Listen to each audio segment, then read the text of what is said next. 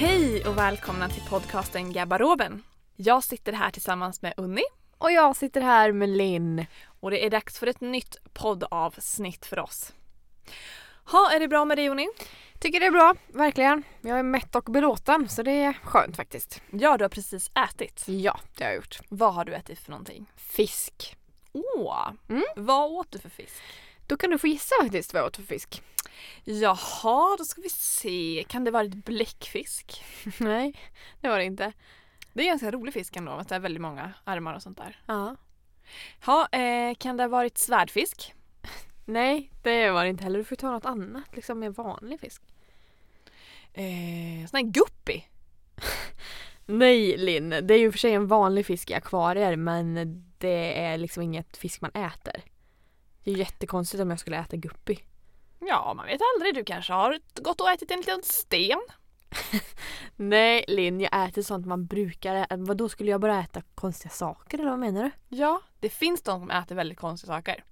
Jaha, kan du ge något exempel på någon? Ja, jag tycker vi ska ta och berätta den här historien om en varg som åt någonting väldigt konstigt.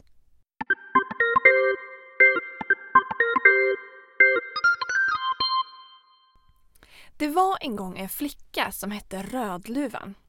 Hon hette så för att hon hade en röd jacka med en röd luva på. Rödluvan bodde tillsammans med sin mamma i ena änden av skogen. I andra änden av skogen bodde mormor. En dag får de höra att mormor har blivit sjuk. Hon ligger i sängen med mycket hög feber.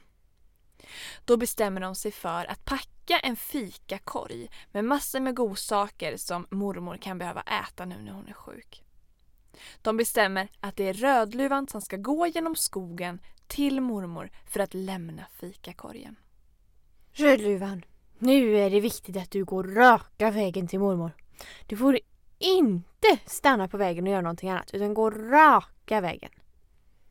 Rödluvan lovar att göra som mamma har sagt och hon börjar gå sin promenad.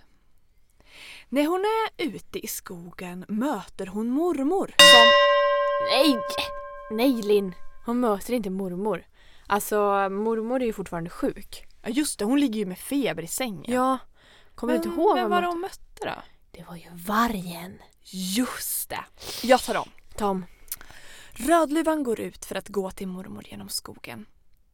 På vägen möter hon vargen. Vargen frågar Rödluvan. Hallå, hallå Rödluvan, eh, vart är du på väg? Jag är på väg till mormor. Jag ska dit för hon är lite sjuk så jag ska lämna en eh, picknickkorg. Eh, Okej, eh, är det mormor som bor på andra sidan skogen? Ja, precis, det är mormor. Men, men, men tror du inte mormor skulle bli väldigt glad om du stannar och plockar lite blommor till henne på vägen? Jo, jo det har du rätt i. Det, det tror jag jag ska göra. Tack så mycket. Så Rödluvan gör inte som mamma sa. Hon går inte raka vägen. Utan hon sätter sig vid ängen och plockar en stor bukett blommor till mormor. Under tiden springer vargen bort till mormors hus.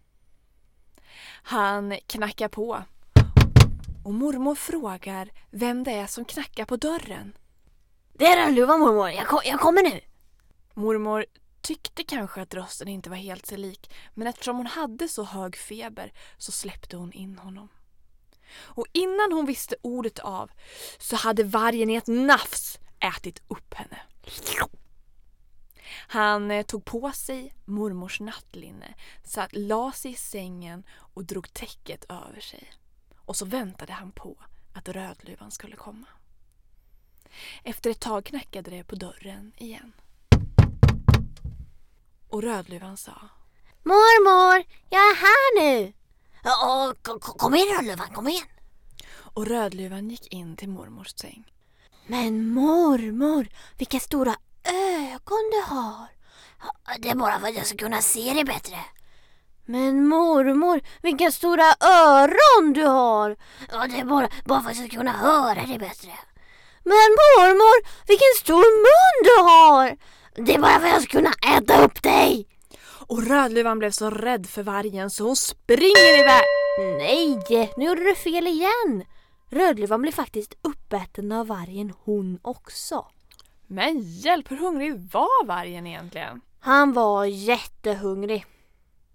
Okej, Rödluvan blir uppäten av vargen. Och vargen blir jätte, jätte, jättemätt. Han har ju ätit en hel mormor och en hel rödluva. Han bestämmer sig för att ligga kvar i sängen och sova lite, alltså sova lite middag på maten helt enkelt. Han lägger sig i sängen och börjar snarka.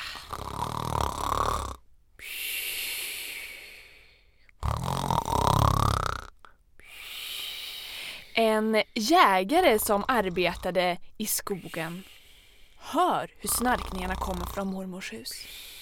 Och han börjar fundera på, kan mormor verkligen snarka så där högt? Han smyger in i huset och upptäcker vargen som ligger där. Och han förstår vad som har hänt. Han tar fram sin stora kniv och sprätter upp hela magen på vargen.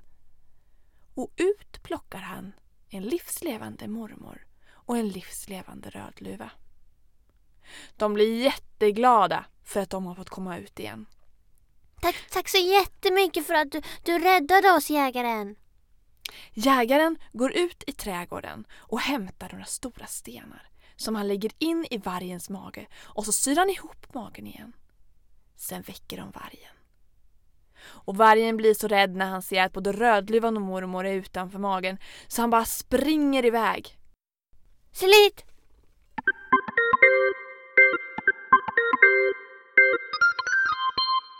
Det här är verkligen en hemsk saga med någon som kan äta upp två människor på en gång. Ja, jag tycker man blir lite rädd för vargen tycker jag.